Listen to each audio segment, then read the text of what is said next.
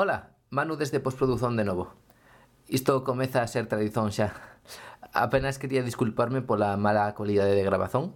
E, ademais tivemos problemas de conexión, así que pois sabedes escoitar eh, cortes un bocado descarados. E de cualquier xeito, disfrutai do episodio.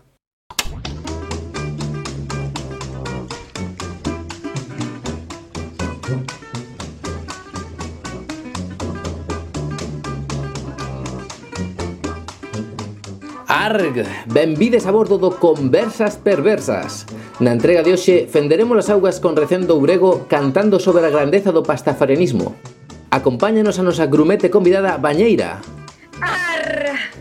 Fica connosco!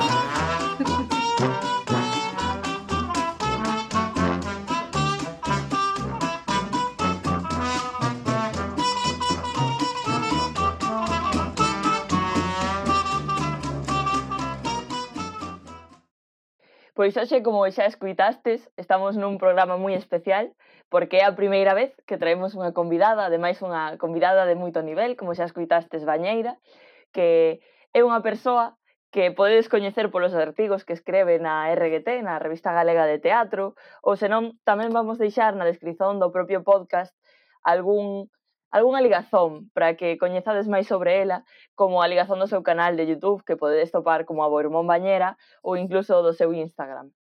Mas antes dixemos que íamos falar do pastafarianismo. Entón, vamos a empezar lendo un anaco dunha carta que en xuño de 2005 Bobby Henderson enviou que dicía tal que así. Eu e moites outres ao redor do mundo Cremos firmemente que o universo foi criado por un monstro espaguete voador. Foi el quen criou todo o que vemos e todo o que sentimos. Tamén dicía, penso que todos podemos ansiar que estas tres teorías teñan a mesma presenza nas nosas aulas de ciencia en todo o país e no mundo. Un terzo do tempo para o deseño intelixente, un terzo para o monstro de espaguetes voadorismo, o pastafarianismo, e un certo e un terzo para conxeturas lóxicas baseadas en evidencias observáveis esmagadoras. Atenciosamente, Bobby Henderson, cidadán preocupado. Efectivamente, esta carta foi enviada como unha carta aberta ao Consello Escolar de Kansas, que estaba a considerar a inclusión nas, nas aulas do deseño inteligente, unha teoría pseudocientífica que é un movimento tamén que pretende mm, poñer de xeito equivalente do mesmo peso científico eh, o creacionismo ou unha versión laxa do creacionismo xunto coa teoría da, da evolución que como todos sabedes é eh, o consenso científico dende fai máis dun século xa. Eh, logo eh, esta religión comezou como unha parodia eh, como unha religión paródica despois de que esta carta se fixese viral no 2005 cando foi escrita na internet. Depois diso, eh, estendeuse a moitos países do mundo e eh, ten sido usada de xeito legal para eh, comparar e para contrastar eh, a, o poder que teñen as religións legalmente en moitos lugares do mundo. Claro, que o propósito era como unha burla, non? como parodiar esas religións e coller esa base das religións para facer algo que fose super extraño, super paródico, e pedir que o aceptasen, porque se aceptan unha religión que non ten base científica, por que non van a aceptar iso? Sí, eh, exactamente. En plan, está aludindo a que as religións son arbitrarias, entón intentando quitarlle peso a, que teñen moitas veces ata en non institucional que tamén, pero moitas veces a nivel legal e educativo como foi o, o caso da Fundación. Xa. Mira, eu teño, eu teño un recordo super claro de estar en Marín, na casa de Né, eh, supoño que estaríamos as, as tres xuntas, de feito, de buscar en internet eh, eso, pastafarismo ou pastafarianismo, e eh, eh, que foi Fuchedes vos que me ensinou por primeira vez a imaxe do señor. Sí, pode ser. Eu a verdade que o coñecín porque a miña nai me enviou un artigo que é algo así como moi distópico, mas a miña nai sempre se entera de cousas moi distópicas e me envía información, en plan, isto interesa, che, seguro. E acerta. entón, xa que falabades do, do señor, do pastafarianismo, podemos explicarlle un pouco a xente que nos está a escuitar, que seguramente moitas persoas non teñan a sorte de coñecer esta religión, de estar metides nesta neste mundo Non sei se queres explicar un pouco, Bañeira. Pareceme moi interesante precisamente que xa que isto é un podcast, nos fagamos unha descripción, sabes, do señor do, de Monesbol, de Mev, bueno, Monesboa en galego, non era? Correcto. Sí. Um, para que así a xente pois pois teña imaxe na súa cabeza para que sexa un acto máis individual o entendemento desta, desta deidade e non tanto algo a seguir, non? Ente que despois hai ilustracións moi bonitas en internet que podedes buscar. Um, que fago? Procedo a, a describilo físicamente e despois entramos noutro plano. Por sí, favor, sí, sí, sí, sí. Pois penso que, que dicir que é unha bola de pasta con, con tentáculos. Pasta que pode ser do tipo que, que cada quen queira. Pode ser sen gluten, pode ser incluso pasta de garbanzo. Mentre sexa pasta, vai ser vai ser Mev. um, e ten uns tentáculos tallarinescos cos que toca cousas, cos que crea, cos que desfruta, quero pensar eu, E todo isto, este, este, este remuiño de pasta ven acompañado de dunhas bolas de carne que, que eu, como son vegana, pois interpreto que son eh, non neura, senón que o mellor é outra cousa. Pero bueno, ten algo aí de acompañamento. E non sei se ten salsa. Sí, pois seitan. Podemos especular sobre, a, sobre os ingredientes que leva, pero eh, en calquera caso son veganas porque Monesbol existiu e despois creou o universo e a carne, co cal as non poden ser de carne. Efectivamente. Ten claro, sentido, como ¿eh? todo mundo sabe, como todo mundo sabe, a comida vegana existe de antes do mundo. É empíricamente superior porque xa ven de antes. A ver, se é comestível e non ven de sufrimento animal é vegano, entendo. É como Monesbol é comestível e ademais, en plan, el creou o sufrimento, podemos concluir que é vegano, 100%. Hmm. Claro, completamente.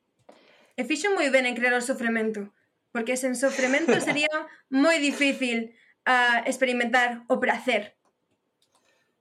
E o mellor de todo é que o fixo moi ben, mesmo estando borracho, porque recordemos, se para que non mm. o hmm. saiba, Moon creou o universo despois de beber moita cervexa. Entón, claro, así, así se explica como hai pois tantas deficiencias e, e, é un mundo tan tan pouco ideal. Pois é por esta razón. Hmm. Claro, e todo isto eh, ben recollido tamén nos evanxeos, non? Sí, efectivamente. Hai literatura pastafarianista. Eh, a primeira é esta carta aberta ao, a, ao comité, perdón, comité no, ao Consello Escolar de Kansas, Eh, aquí xa se, se aquí xa se postula a existencia do monstro de espaguete volador e se postula algunhas cousas como que o cambio climático é debido á ausencia de piratas ou que as persoas empezaron a medrar máis por consecuencia do, des, do descendemento da poboación mas eh, tamén hai literatura posterior como o Evanxeo do monstro de espaguetes volador eh, no que se fala de moitas outras cousas eh, se fai especial fincapé eh, na, na teoría non evolucionista do, do monstro de espaguete volador, que di que se creou o mundo fai uns milleiros de anos, eh, pero que hai registros de mm, hai registros de existencia do mundo anteriormente, de civilización anterior, porque Monesbol os implantou aí para probar a nosa fe. E ademais, a día de hoxe continúa a mm, terxiversar os resultados científicos da comunidade investigadora ao longo do mundo para que se desminta a, a teoría pastafarianismo como efectivamente unha prova nos hace. Wow. Sí, a mí pareceme super curioso dúas cousas que comentaste, que foi o da altura e o dos piratas, que penso que dá moito de que falar, porque é algo tamén que introducimos un pouco que non estaba bañeira, mas sí que o introducimos un pouco como temática cando falábamos do podcast de no podcast de pseudociencia sobre isto de que a correlación non implica causalidade levado ao absurdo. Eh, pois xa que ti Bañeira es unha beata exemplar no coñecemento de Monesboa, podes explicarnos isto de que falábamos da relación entre espiratas e o quecemento global. Efectivamente. Claro, cando falamos do cambio climático, podemos facer referencia a iso, a quecemento global, terremotos, eh, outro tipo de desastres, non? E todo isto é porque dende 1800, máis ou menos, hai menos piratas, ou polo menos piratas do xeito que podemos entendelos, non? De, en canto comportamento, etc. Sí, mira, se, se vos parece, Vou deixar que Bobby o explique coas súas palabras. De feito, isto é da, da mesma carta que orixinou toda, eh, toda esta religión. Di, poden estar interesados en saber que o crecimento global, terremotos, furacáns e outros desastres naturais son un efecto directo do número cada vez menor de piratas dende 1800. Para o seu interese, incluí un gráfico do número aproximado de piratas en relación á temperatura global media nos últimos 200 anos. En neste gráfico, pois, Eh, e mírase que, segundo baixa o número de piratas, sube a temperatura media global. Entón, eh, usando dun xeito bastante mm, pasivo-agresivo a esta falacia de, da, da falsa causalidade, eh, se chega a, a tese de que cantos menos piratas, eh, máis quecemento global. Entón, se propón, mm, polo pastafarismo propón, que nos vistamos e falemos como piratas, como xeito de eh, contrarrestalo. Claro, os piratas un pouco como figura sagrada do pastafarianismo, non? Sí.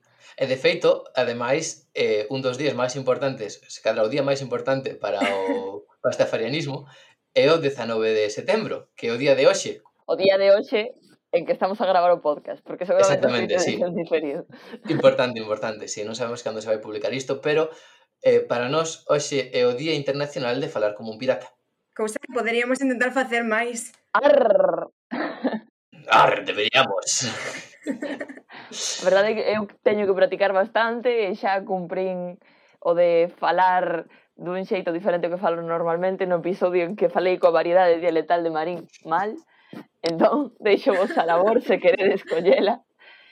E, dentro da teoría do pastafarianismo, temos algunhas outras cousas, como poden ser pois diversos elementos que son comuns a moitas religións, eu quería tamén entrar a falar do que é o ceo do pastafarianismo, e aquí penso que nos pode falar un pouco Bañeira.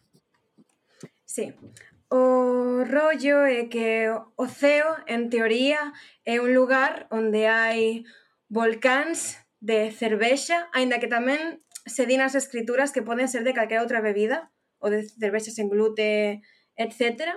E tamén hai strippers. Eh, non sei se son máquinas ou son... Fábricas de strippers. Claro, fábricas de strippers. E por outra banda está o Inferno, que é o oposto, no que hai volcáns, pero que, sen embargo, aí a cervexa está quente, e as strippers os non son atractivas ou, non, ou teñen enfermidades venéreas, Sí. Eh, etcétera, bueno, te, ¿no? Temos que dicir que as strippers non teñen, ou ou seja, es strippers, porque en, en, en plan, segundo a como a caracterización que teñen na, nas imaxes do pastafarianismo oficial, pois, home, sí que é bastante mm, cosificador, porque son literalmente fábricas de strippers, pero non son nin homes nin mulleres. E a cervexa non sabemos se levar con nin non, pero en calquera caso un pouco pocho. Non iría. Efectivamente. Claro, eh, segundo o meu punto de vista, hai, hai un machismo inherente a esta formulación que se fai, que fixo, que fixo Bobby, non? O que pasa é que eu non me vou deixar de declarar como pastafari por isto. O que eu penso que podo facer como unha boa pastafari é reinterpretar ou, ou vivir dun xeito diferente. Eh, porque supoño que vos faredes o mesmo, porque non vamos a aceptar fábricas de strippers, eh, non vamos a aceptar a cosificación, non? no meu caso, por exemplo, que eu son unha persoa que non toma drogas, nin bebe alcohol, etc., cando, cando vexo que nas escrituras se está a falar de alcohol, pois eu teño outras interpretacións. Para mí no alcohol neste caso sería unha alegoría do azar, da, da enerxía de, de Monesboa descontrolada como forza creadora do universo. No caso, no caso des strippers, sí que penso que é máis complicado facer un tipo de justificación. Para min, Por exemplo, en relación a Ceo e Inferno, dentro desta dualidade, supoño que, que tería algo que ver co, coas relacións e co amor que recibo que estou disposto a dar. O mellor Bobby, en realidade, que non o coñecemos, pois era un señor machista, asqueroso, horrible, e non podía entender vínculos de amor do mes, dun xeito sano, e por iso recorría as strippers. Non sei que, que posición tedes vos ao respecto. Podo dicir antes de falar da miña posición sobre o inferno. A miña posición Ajá. sobre Bobby Non sei se era machista ou non, pero sí que era dicir que bastante so estaba porque era físico. Xa está, xa me queixei, xa podes dicir. Vai vir Darío do Son das Ideas a dicirme que se o podcast e a... Queres continuar a falar sobre a tua interpretación do, do Ceo do Inferno? Ou... Eu creo, bueno, o meu rapidamente pensando que plan, Mones, Mon, eh, Monesboa creou o universo pois bastante ebrio e cando creou a raza humana pois debeu de pensar que a súa eh, o, o que máis desexaría para a, a posvida sería ese, ese ceo. Eh, creo que é moi deficiente, xa non só polo, em, polas características eh, polas características mm, mm, mm, machistas e cosificadoras que ten, eh, senón porque, oes, tío, mm, en serio, volcáns, eh, cervexa, eh, fáquinas de stripes, pois non sei, igual podes disfrutar as 20 minutos, pero non sei, eu gustaríame tamén ter unha mesa onde sentarme e poder comer.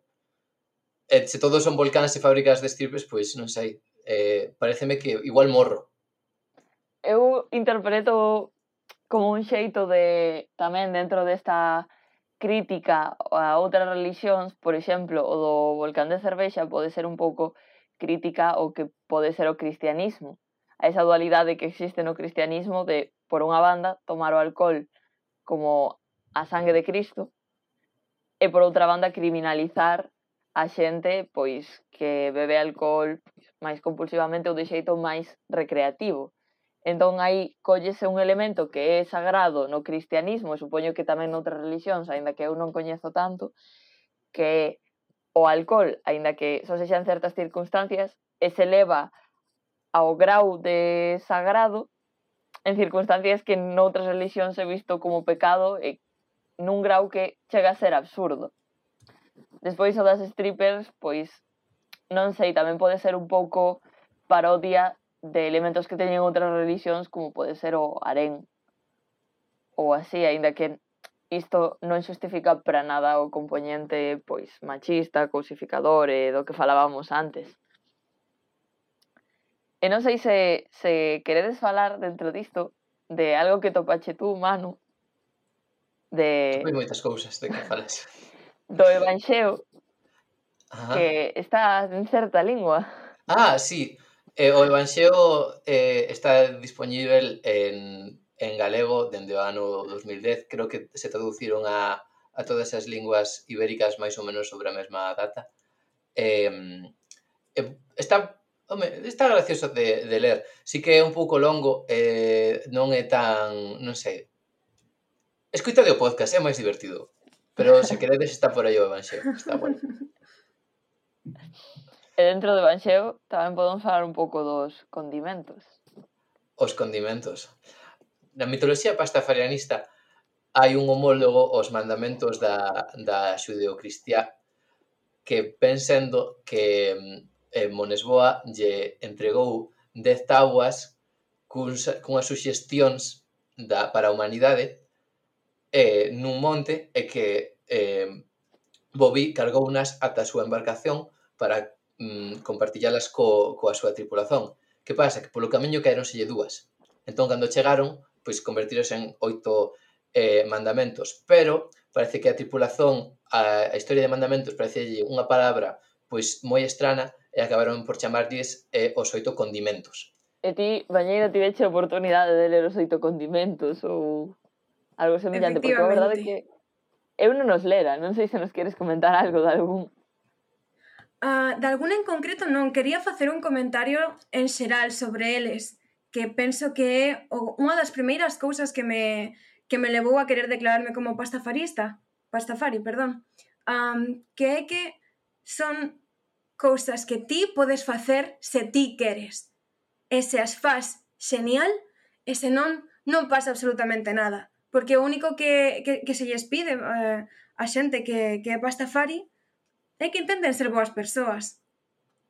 Que é algo que bueno, sí, que fan outras religións, claramente, pero aquí mm, non sei vos, pero eu noto que, que teño máis liberdade. Claro, eu, por exemplo, agora mesmo teño diante algún e me parecen genial por ese ese feito que ti comentabas un pouco de que a frase introdutoria é realmente preferiría que non fixeses isto. Non é, por exemplo, eh, non nomearás a Deus en van, que son cousas como moi ríxidas, moi claras, e que aparte, como comentabas ti, e por poñer tamén algún exemplo, son cousas como realmente preferiría que non actuases como un fanático religioso, ou realmente preferiría que non empregases a miña existencia como un medio para oprimir, ou realmente preferiría que non xulgases as persoas polo seu aspecto. Entón, son cousas que dentro de toda esta parodia do, do resto de religións como que cobran un pouco de sentido, eh, son indicacións que realmente como que deberíamos seguir, penso eu, polo xeral. Sí, de feito, o, o oitavo condimento resume moi ben o, todos os, os demais, que, porque di, realmente preferiría que non fixeses a outres o que non te gustaría que te fixesen a ti creo que dicía algo así, non teño a páxina diante. Hmm, sí. Así xa é, é clave. Sí, efectivamente, podo, podo lelo se queredes. sí, sí, le, leo porque é maravilloso. Vale, di, realmente preferiría que non fixeses a outres o que non gustaría que te fixeran. Eh, se, se gostas de daquelas cousas que usan moito couro, lubricante, as vegas, eh, Mas se a outra persoa tamén gosta da brincadeira, eh, conforme ao mandamento 4, entón aproveiten, tiren fotos, eh, pelo amor de Mike, usen preservativo. É verdade, é un pedazo de, eh, de, de goma, pero se eu non quixese que gostastedes do, do, de brincar, tería colocar, colocado pregos no playground ou algo así. Que fantasía, encantame como é super aberto. En plan, non lle sí. fagas dano resto, sí. mas se queredes, eh, é consentido, e eh, hai desexo, eh, todo, pois non me vou meter aí. Eu penso que o mellor de todo da, das instruccións así para seguir sendo pastafari é que non tens que abandonar as túas creencias eh, previas e non tens que ter unha creencia literaria en Monesbol. O único que se pide é que queiras ser pastafarianista ou pastafari. Claro, é que, jo, Isto naceu como parodia. Esa palabra estaba ben empregada. A, esta religión naceu sendo unha parodia. Que pasa? Que tamén hai hai unha reivindicación aí. De feito, o pastafarianismo é usado moito no mundo occidental para por moitos individuos para testar ata onde chega a, as estezóns que se lle fan a, a religión dentro da mm, dentro das leis pois estamos a falar de que non teñen que pagar certos gravames ou que eh, a xente que por, por religións ou por crenzas poda levar certa indumentaria que doutros xentos estaría prohibido pois en fotografías da, de carnes de identificación ou calquera historia. Destaca especialmente eh, un rapaz de Austria que decidiu elevar un coador na cabeza para sacar a foto do carnet de conducir. A pesar de que a indumentaria preferida polos textos eh, pastafaris eh, máis eh, oficiais, a indumentaria preferida é a vestimenta de pirata. Pero, a raíz deste, deste suceso de usar un coador eh, por un rapaz austríaco, xa non recordo, eh, no carnet de identidade ou no de conducir, moita xente eh, fixo mesmo, porque eh, ti non podes levar nada na cabeza cando vas a sacar unha foto, pero teñen a excepción eh, das religións. É algo que acontece tamén, digamos, isto a pequena escala, porque a foto do carné se cadra non ten moita mm, trascendencia política, pero hai cousas nas que a religión sí que ten moita presenza en, en cambios de diferentes leis e cousas que cambian dependendo de se é unha institución religiosa ou non, ou se podes obxectar a facer algo por razóns tal. Non sei que pensades eh, vos dous deste tema, Bañeira, ti, que, que opinións tes sobre isto? Sobre das... Que? Sobre, en xeral, a religión, legalidade e pastafarismo. Eh, sí, é sobre un pouco tamén a implicación filosófica que ten todo isto do pastafarianismo, ao final. Hmm. Antes xa mencionei o, o concepto da reivindicación máis que parodia, que iso me parece moi importante, non? Pero centrándonos agora un pouco máis no concepto de, de religión e de, e de algo que se segue, sabes? Um, penso que o, o máis destacable que hai dentro do, de ser pastafari é o, o afán que hai de comunidade, non? E de misturar o enxeño da, da, da creación humana, porque ao final é creación humana sabedes? Um, de misturar o enxeño co, co fervor de, de, de querer crer ou de querer crear. Crer e crear, non? En plan, como cousas que están separadas e cousas que están xuntas. Porque porque ao final ti, Manu, tes unha percepción do mundo, ti, ne, ti tes outra, eu teño outra, pero o que está facendo a relixión ou pastafari, pois é xuntarnos. Neste caso, sen, sen dogmas demasiado, demasiado duros, por así dicilo, non? E penso que, que aí, nese, nese afán de comunidade, é onde está um, a, a maxia, non? O amor de cara a ter ou non unha religión. Claro, dentro deste afán de comunidade ti tamén investigarás un pouco sobre algunha cousiña, topaches algunha cousiña por aí, non? Um, sí, bueno, algo que, que tangible, por así decirlo, algo que, que sí que, que se pode recurrir por ser unha destas creacións que mencionaba antes, eh, serían as oracións.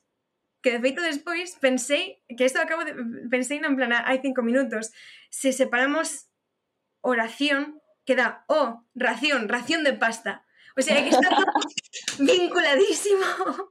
Pero sí, dentro das oracións, um, hai algunhas pois pues eso que das típicas que se fan antes de comer, sabedes, eh, pasta nuestra, en vez de, de do que se coñece como Pai Noso, Padre Noso, non sei se ten traducción. Logo hai rollos tipo mm, o salve, salve marinara, sabedes? Que, que é un poquinho que dicía eu antes de, de misturar ese enxeño co fervor. Pero había un, oh, había un que era o meu favorito que chamábase a pastoloxía común, se non me equivoco, algo así, que me gustaba un montón porque facía unha referencia directa a isto que digo eu da comunidade, que era eh, proba a salsa da que todas as especias flúen, bebede ou oh, piratas, non sei que, non sei cuánto. E me parece boa, maravilloso. E despois había unha que tampouco hai tantas ou oh, racións um, que había outra, que isto sí que non máis de memoria, pero que recomendo a todo mundo que o mire, que se chama Oda a Árbore. E penso que hai parte 1 e parte 2, vale? Ah, e bueno, algo tamén a nivel curiosidade é que todas estas oracións rematan cun bo ramen en lugar de amén, por ser ramen un tipo de pasta. Claro, de feito podemos deixar algunha destas oracións, se queredes, eh, e así tamén aproveitamos para recomendalo no noso Twitter, mm. arroba c barra baixa perversas, que nos podedes seguir aí. Pero sí que sí que me parece curioso, dentro do que acabas de comentar, deste sentimento de comunidade, que é como algo que se busca moito nas religións e que o ser humano busca en xeral. Non sei se tedes a mesma percepción que eu, sí. mas cando, por exemplo, eu eh, estudei nun colexio, nunha escola católica, entón era algo que nos remarcaban sempre de que significa comunidade, sobre todo pola palabra comunión, que ten como moita presenza no ideario católico. Eh, é algo que ao final o pastafarianismo colle e tamén o incorpora porque pode ser algo bo, mas que tamén é un pouco como coller o lado bo simplemente, porque noutras religións ao final é este componente sectario de nós versus a outra xente que non cre nisto, nós versus a xente que é pecadora ou que a xente que non vemos como iguais. Non sei que pensades claro, sobre isto. É que, de momento, que eu saiba, espero que sí, uh, non hai, non hai nenes, non hai bebés que foran criados baixo pastafarismo eh, pastafarianismo, perdón. E iso o que fai é que esta sexa unha religión que se escolle e que non se impoña, sabedes? E penso que aí está a clave. De feito é un dos condimentos non, non mm, eh, promover, promover claro. ni promulgar se, especialmente sen ser chamado a eh, a religión. Hmm. Ejo, en relación a isto da, da comunidade, tamén mencionar que que hai moitos grupos de pastafaris. Um, de feito, se mirades a, a páxina web que hai eh, oficial en castelán, pois xa podedes mirar que hai mm, listaxes de Telegram, hai grupos de Facebook, hai... Creo que incluso hai um, como unha listaxe de difusión de correo electrónico ou algo así. Hai un montón de maneiras de conectar con xente.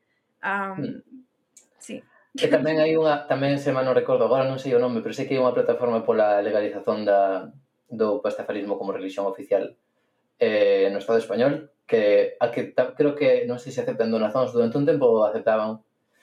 Eh, pode ser un eh, unha facenda se cadra que algún máis de algún lle interese. Mm -hmm.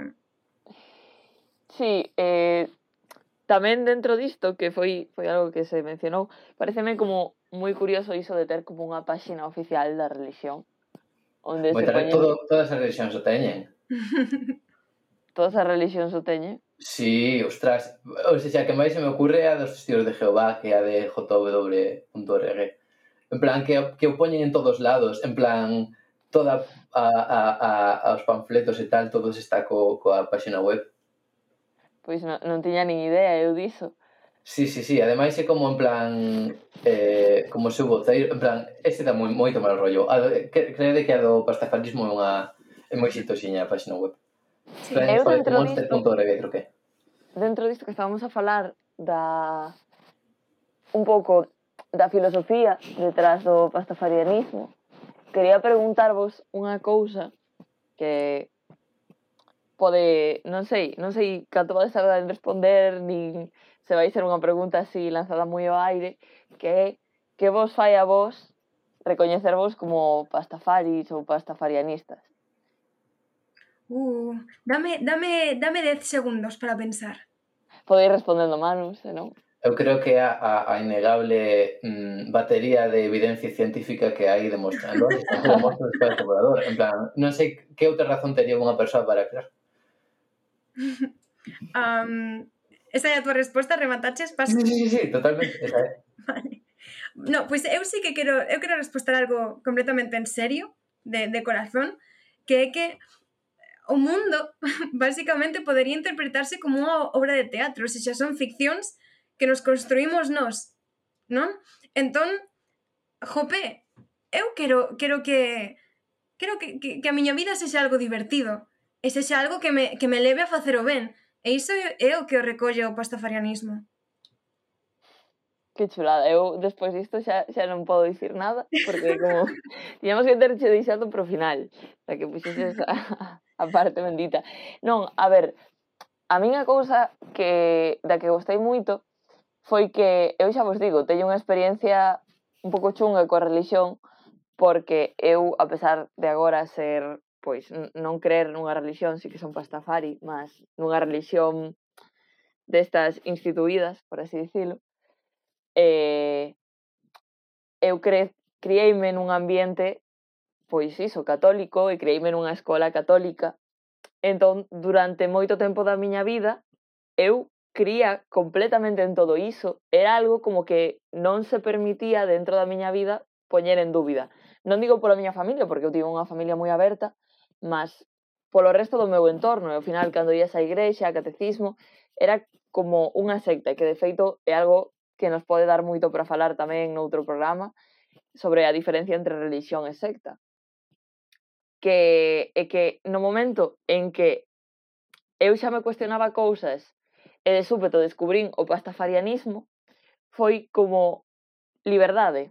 Quero dicer, podemos coller todo isto absurdo da religión e facer algo ben xa paródico ou como lle queiramos chamar, que poña en cuestionamento todo isto, que empregue lóxicas que a xente lle enfaden, a xente da religión, e que ao final sexa algo que, entrando na súa propia mesma lóxica, sexa gracioso, podamos rir disto e podamos ter liberdade. Entón, para min foi como un descubrimento maravilloso. E aparte, o feito de eh, dentro da web teñen moitas cousas, como se queredes falar agora do, do da os certificados que empezaron a expedir, podo comentalo, que houve outro día, eh, cando unha páxina para informarme un pouco para este podcast, que a pesar de ser conversas en moitas bases, era un tema que me interesaba, o último post que tiñan subido era xa que en moitas religións pois dan certos certificados para que a xente non teña que facer certas cousas ou por exemplo, porque moralmente eh, pois non queren ter que someterse a certo tratamento médico ou para librarse de certas obrigas. algunhas religións expeden certos certificados. O pastafarianismo empezou a expedir certificados a través da propia páxina, podedes consultalo, para aquelas persoas que queiran ter un papel que diga oficialmente, entre aspas, que non poden traballar por mor da súa religión perto de algunha persoa que se negou a vacinarse da COVID. Entón pareceme como algo flipante. Non sei que opinades vos de toda esta historia. A mí o que máis me encanta, non sei se xa o mencionei, pero en xeral toda a um, todo ese um, esa forma de facelo todo pasivo agresivo do, do, pastafari, do pastafarianismo eh, en est, na, na última publicación que fixeran sobre, sobre as vacinas está aí perfectamente eh, eh, efectivamente en plan moitas damos como a religión moito moito poder de en plan de eh, se non quero recibir unha transfusión de sangre, se non quero recibir unha vacina, que se consideran como eh, dereitos eh, individuais que eu respeito moito. Pero non, creo que non fai falta meter a religión aí é algo que depende dunha persoa e non das súas crenzas.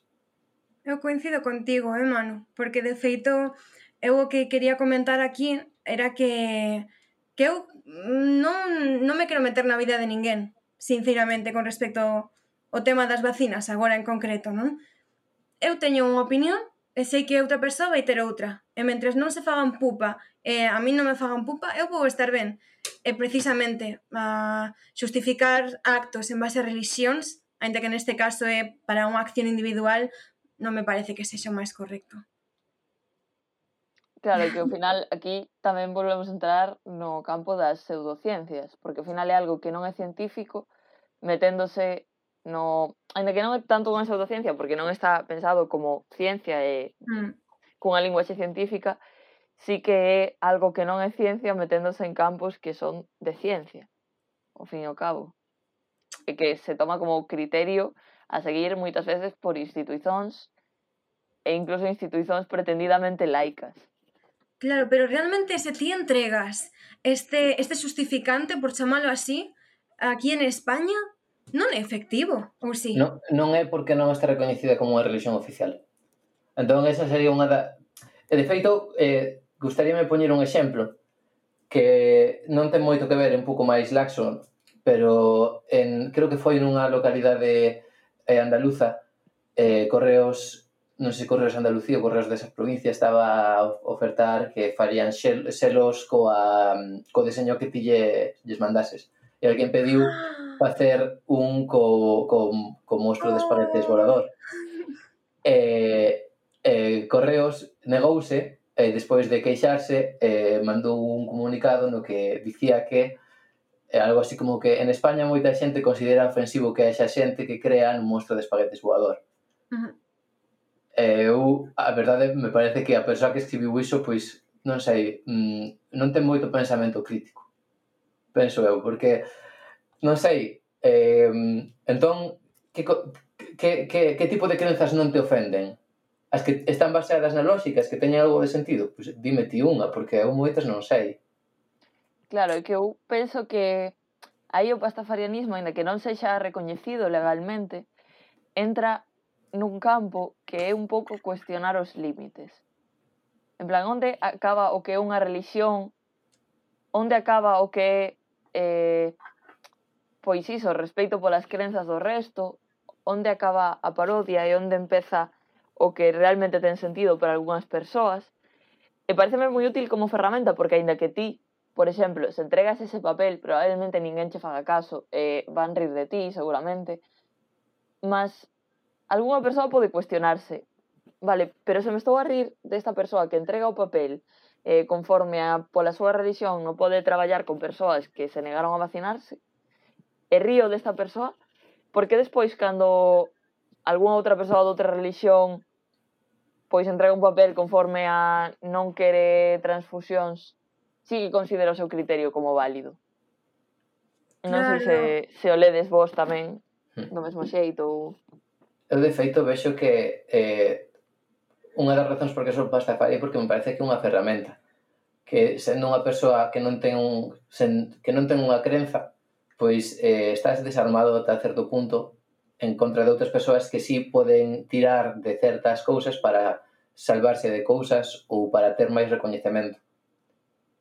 Ah, pode reformular eh, iso, que non entendí sí. moi ben. Mm, digamos, por exemplo, a nivel institucional, en, no estado no que vivimos, eh, hai unha presenza de pois eh, simboloxía, por exemplo, católica, eh, que a comunidade católica eh, reclama por ser mm, por ter moita, moitos eh, por ser moi grande en, en España. Entón eu tamén o considero unha ferramenta de se temos a suficiente xente, tamén podemos reclamar que nos nos representen. E igual iso tamén fai pensar a xente ata que punto debería existir unha presenza da, da religión en cousas oficiais.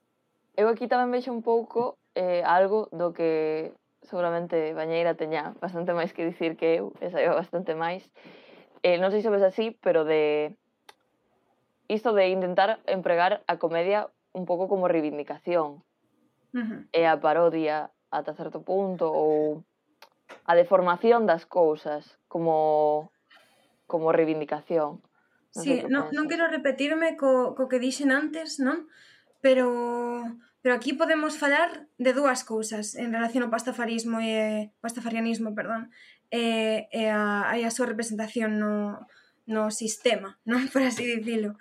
O primeiro sería um, que so, é algo que eliximos nós, que é algo que se elixe e moitas veces pois a religión é algo que se impón, como no, no caso que expoñías ti antes, né? E por outro caso está como non sabería como dicilo, o desexo de de de, bueno, da acción, o desexo da acción, non?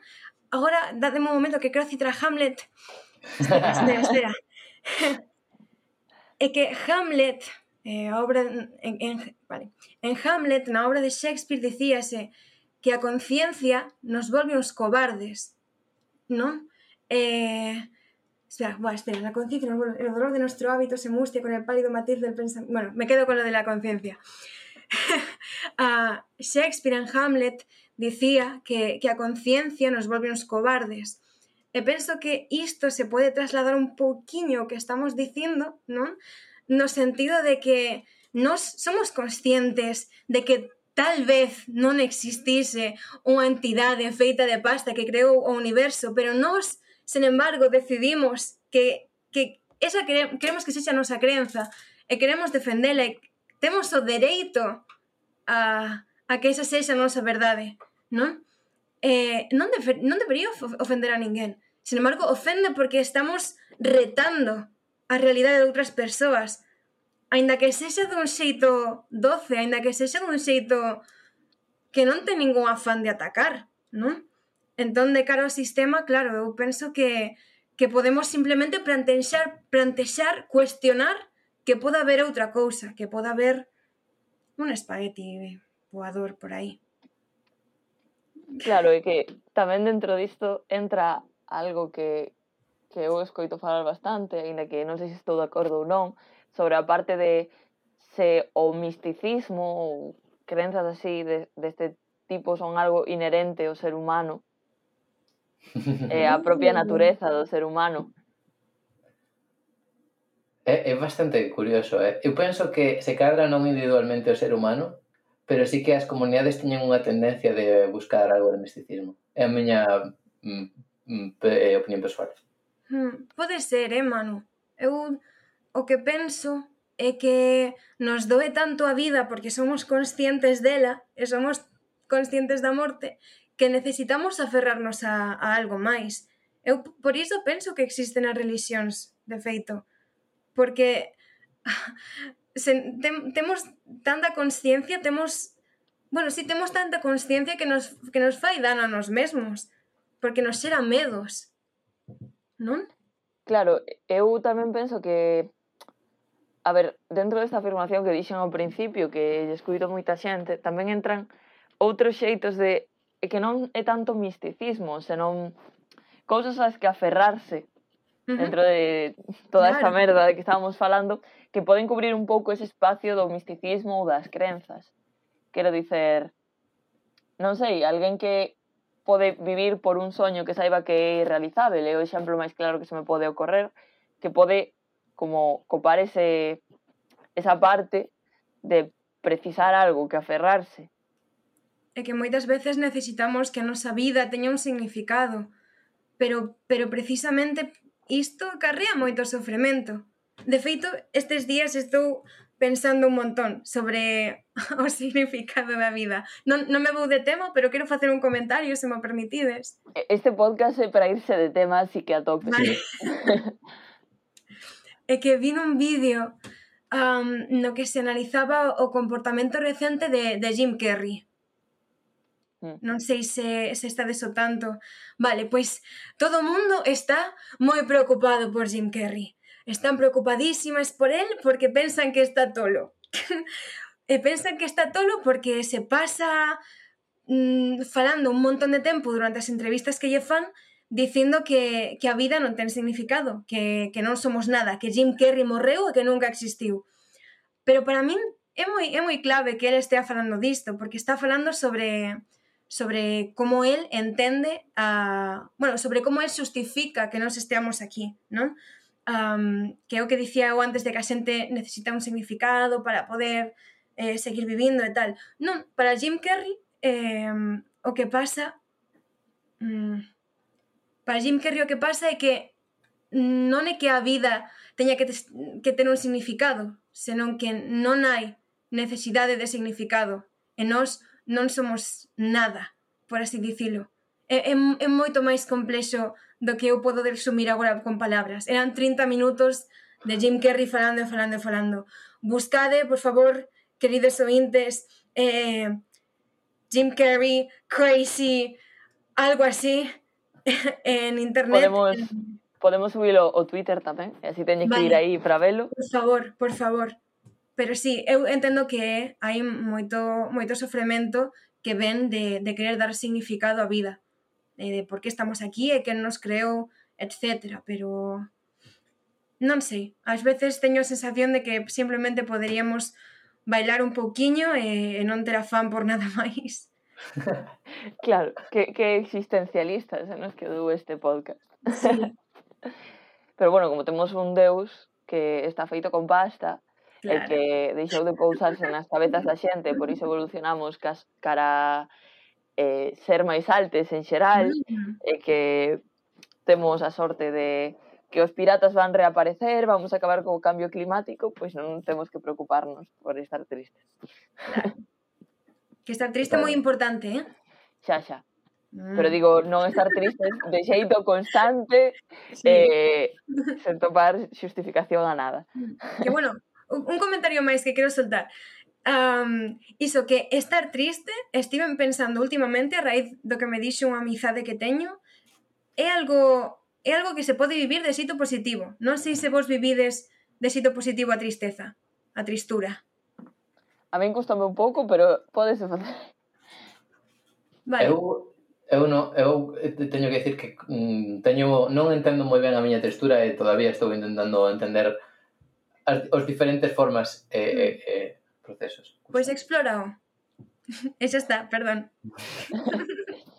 sí, non sei se dentro do pastafarianismo queredes comentar algo máis, algún rito, algunha cousa. Eh, pois gustaríame así comentar un par de mm, conteúdos audiovisuais eh, xa que estábamos a falar de Jim Carrey eh, mm, claro. eh, pero este sobre pastafarianismo eh, teño eh, hai Pastafari un documentario sobre mm, o que estábamos a falar de mm, o pastafarianismo en Europa eh, as súas eh, mm, eh, batallas legais. Outro que se chama ramen, ramen, desculpade, que a primeira RA maiúscula M e con acento minúscula N eh, é unha curta de humor eh, dun cineasta eh, barcelonés que non mirei, pero recordo ver o tráiler cando ia sair, logo me esquecendo de existencia e non a cheguei a ver cando se estrenou. Jolín. Pero recordo que tiña moi boa pinta.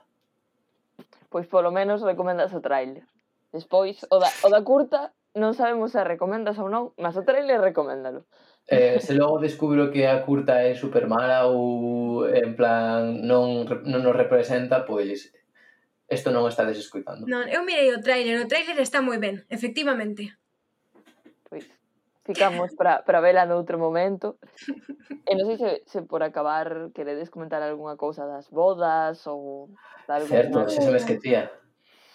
En, en Nova Zelanda, onde o, o pastafarismo está recoñecido, ademais hai unha eh, un apartado legal de igualdade de religións bastante potente, segundo teño entendido, eh, está permitido casarse pola Igrexa Pastafari. Uh eh, pode, as bodas son oficiadas, creo que soy unha persoa que oficia bodas en todo en todo o estado, pero eh, teño que dicir que para só ter un establecemento está moi ben, é un barco eh, que ata onde eu entendo non sacando do, do porto eh, vas ali disfrazado coas, cos teus as túas achegadas eh, disfrazados de pirata levades un anel de pasta eh, eh, ides eh, chuchando dun, dun extremo dun espaguete dun tallarín ata picar a, a ah. túa parella.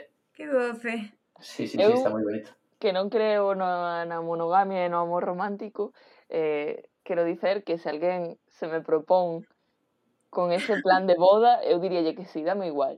Pero quero recordar que Xacho propuxo fai moitos anos e que quedaba pendente de termos cartos para irnos a Nova Zelanda. Non o lembraba, mas isto tomao como un sí. Bravo! Uh! Pode, pode vir bañeira, non?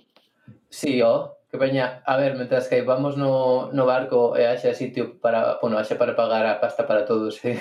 Mentres me deixeredes, se me deixades estar nunha bañeira dentro do barco, mentres presencio o acto, por mí genial. Que dito isto, tamén temos que subir a, as redes ou mesmo como foto do do sí. programa, o setup en que está, Bañeira, por favor, se nos queres explicar un pouco como estás? Boa, sí, porque estou moi, moi, moi, moi, moi aflixida pola situación que hai en Vigo agora eh, con respecto ás bañeiras. De feito, moitas grazas por darme este espazo, eh? Um, o rollo é que en Vigo, non sei por qué, este setembro vino un montón de bañeiras tiradas pola rúa. Ou seja, en total desamparo, en, en total desesperación, porque eu, eu podo miralo, podo saber que están mal. Entón, eu o que fixen foi tomar a determinación de, coa axuda da miña compañeira de piso, Sonsolaina Astordable Cocotero, eh, por se escoita isto, eh, subir unha destas bañeiras a casa, limpala, desinfectala totalmente eh, e cambiala polo meu escritorio. Entón eu o que fixen foi pois coller un cadro que tiñamos super feo na casa, empregalo de, de mesa dun lado a outro da bañeira e, e o carón dela situar todos os meus, os meus libros para ter unha biblioteca persoal pola que poder navegar. E xa está. Queres comentar algo tamén do que tes detrás? Sí, oi, mira, vou, podo lanzar unha mensaxe de amor? Sí, claro. Vale, pois eu quero moitísimo o meu amigo Pablo, Pablo é de Lugo. E, eh, e eh, un día, bueno, isto é ilegal, así que vou maquillalo. Bueno, isto é legal, é completamente legal, vale? Non, non ah. cortedes nada. Eh, Pablo e máis eu atopámonos cunha, cunha sinal de tráfico de ceda al paso. Atopámonos con ela, vale? E, e meu, este amigo meu, pois o que fixo foi pintarse unha bañeira. Entón, é como cede a túa bañeira. Eh, estou aquí moi contenta, verdade, de, de ter construído este espacio para mí mesma, para meditar e para estar de tranquis. Parece un fantástico, é algo que se debería implantar. Quero dicer, se, se, se es do pastafarianismo, se segues o pastafarianismo, deberías ter dereito a ter un setup parecido. Porque a verdade é que é unha fantasía. Non digo que toda a xente que sexa pastafari faga iso, non, non. Que cada quen teña dereito a escoller, mas mm. que se queres escoller telo, que, que o poidas ter. Non sei, eu penso que cada persoa, sendo pastafari ou non, que supoño que ti tamén te referís a iso, debería ter un espazo para atoparse consigue, consigue mesme, etc. O sea, creo que todo o mundo debería traballar espiritualmente eh, eh, e non espiritualmente en relación ao pastafarismo jope, pastafarianismo e o que hai máis aló para, para poder estar ben con, contigo mesme. Claro, claro. Eu só dicía que se estaba recollido na nosa religión, que mellor, porque anda que non molaba. non sei se tedes algo máis que comentar sobre todo o tema, algún punto que quedase atrás, algo que quedases con ganas de falar. Eu xeraría que estou deixando cousas atrás, Mentres Manu pensa, eu vou dicir que vos quero moito. Oh, que lindo.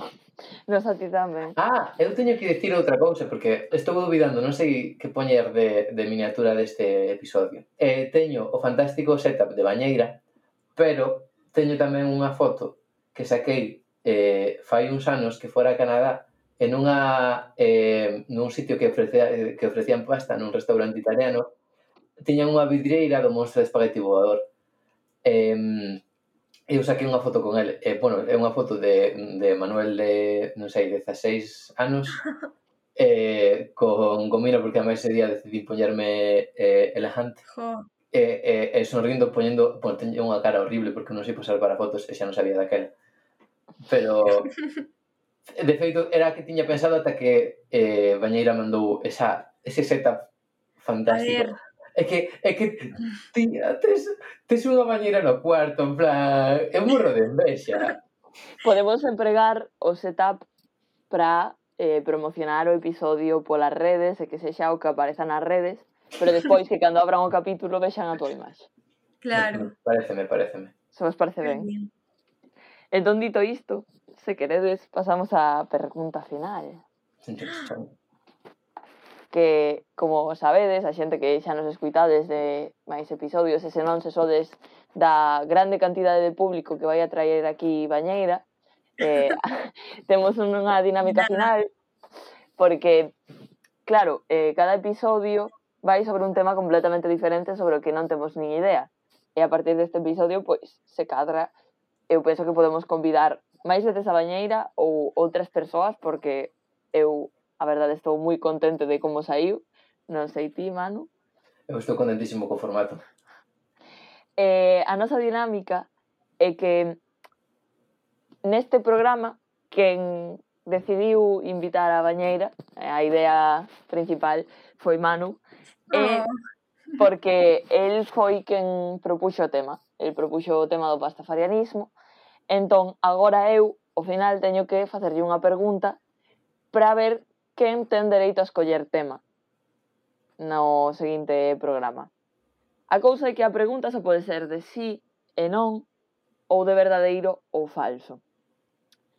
Se Manu acerta, que vai ter a axuda de Bañeira, pois ten el outra vez dereito a escoller tema.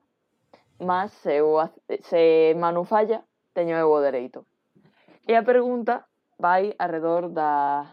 Disto que na lusofonía se chama toalla de mesa, servilleta en castellano para que non saiba o que é, aínda que odio isto de traducir as cousas. Eh, sobre quen a inventou. Eu vou vos contar unha pequena historia e tedes que saber se o que estou a dicer é verdadeiro ou falso. Se hai un mínimo detalle que está cambiado, pois xa é falso, é algo que tamén nos gostamos de especificar nos podcast para que a xente saiba un pouco a dinámica e poida xogar tamén desde as súas casas. A miña afirmación é, para non estenderme máis, que a toalla de mesa foi inventada polo duque Ludovico Sforza, que foi, para que non sabedes quen é, alguén baixo quen traballou eh, Leonardo da Vinci durante aproximadamente 28 anos, porque no seu momento antes de existir esta toalla de mesa, o costume era limparse con coellos que tiñan debaixo da mesa. e, claro, eh, inventou isto e o duque pois pensaba, jova, que boa idea ti teño, pero Leonardo da Vinci no seu momento intentou disuadilo. Entón, disto, isto xa é a parte da historia, digo eu, que a miña, a miña deducción é que podemos deducir que Leonardo da Vinci tan xenio non era. non te metas con Leonardo, eu teño moi boa estima. Sei que me estou inventando, en plan, estou no glorificando, pero déxame, meu Leonardo. Era icona bisexual e vegetariano. Totalmente, porque ainda por riba, sabes? Eu sei, eu sei que moita xente, non sei por qué, me, igual me ve máis como unha persoa de Miguel Anxo, pero eu son de Leonardo realmente. entón... Tedes algunha resposta? En plan, entón a cousa é, antes a xente usaba coellos para limpar as mans. Eh, antes, naquela época, era costume nos, nos banquetes coller pequenos coellos que tiñan baixo cada persoa que estaba aí comendo e o cabelo dos animais servía para limpar as mans. E máis da algunha ocasión, os propios cubertos entre plato e plato. A ver, eh, eu o que estou pensando é o seguinte mmm, puedo entender que, que quisiesen usar esa, esa, pel, ¿no? Pero que estuviesen vivos no me parece muy práctico. Entón, tal vez eh, esto se xa unha mentira e utilizasen a pel dos animais e non un procesado de papel antes. Eu non, eu non dixen se estaban vivos ou mortos. Joder. A ver, a ver, a ver, a ver, a ver. A ver.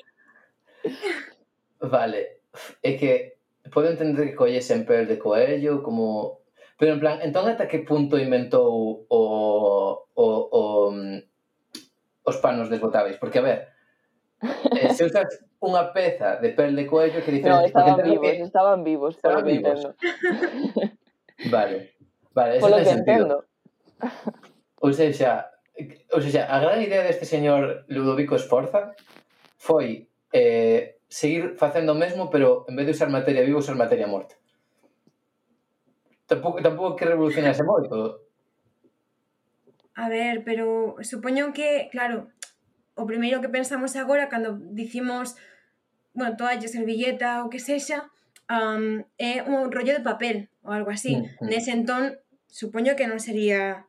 Eran panos. Sería un Pano. pano, claro. Textiles, entendo. Unha tea. Non sei, é que hai algo aquí que me cheira, que me cheira mal. Que, é que, o sea, eu non vexo útil un coello porque en emporcalla máis do que limpa, sabes? Sobre todo se tes que ter na cociña ou no salón permanentemente. Entón te des resposta. É que eu teño medo de que, en plan, ah. sexa verdadeiro, pero con un plot twist que o faga ter sentido, sabes? É que podemos deixarnos guiar pola lógica ou podemos deixarnos guiar polo pensamento e probable coñecemento de que a xente antes era un pouquiño especialiña. Sí. Pois pues, xa, cousas máis raras se facían na idade de Leonardo, pero coellos na mesa. Mira, Manu, eu axudeite a, a reflexionar, aportei a miña perspectiva, pero ah. quero que a palabra final a teñas ti. Sí. Que calé, calé, entón, a túa versión final calé, ou seja, ti que pensas, que é verdadeiro ou falso? Eu? Sí. Hai algo que me di que é verdadeiro, pero quero que sexa falso. Sabes? Xa, xa. Eh, eu eh, creo, creo que vou decir verdadeiro. Porque nada sempre me pon cousas verdadeiras.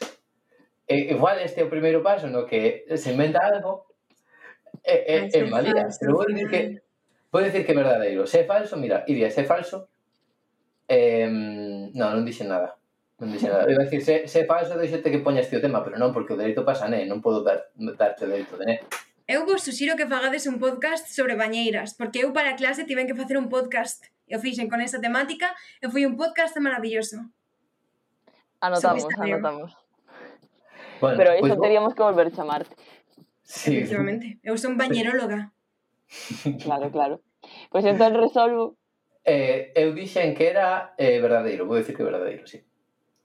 Pois é falso. No! Pero non é, non é falso polo, polo que vos pensades.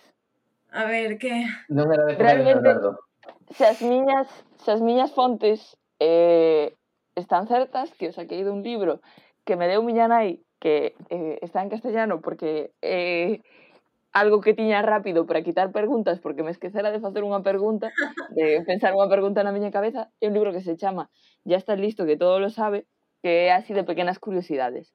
Entón, realmente, naquel momento, sí que era costume limparse con coellos. Mm. E sí que eh, Leonardo da Vinci traballara baixo o mandado do duque Ludovico Sforza, Forza Esforcha, non sei como se di, durante 28 anos, o que pasa que foi o propio Leonardo quen inventou isto, non o Duque. É o único dato falso. Pois mira que esa cosa pola cabeza. Colín. A ver, que Leonardo era un xenio, como ia dicir que non as as follas de mesa?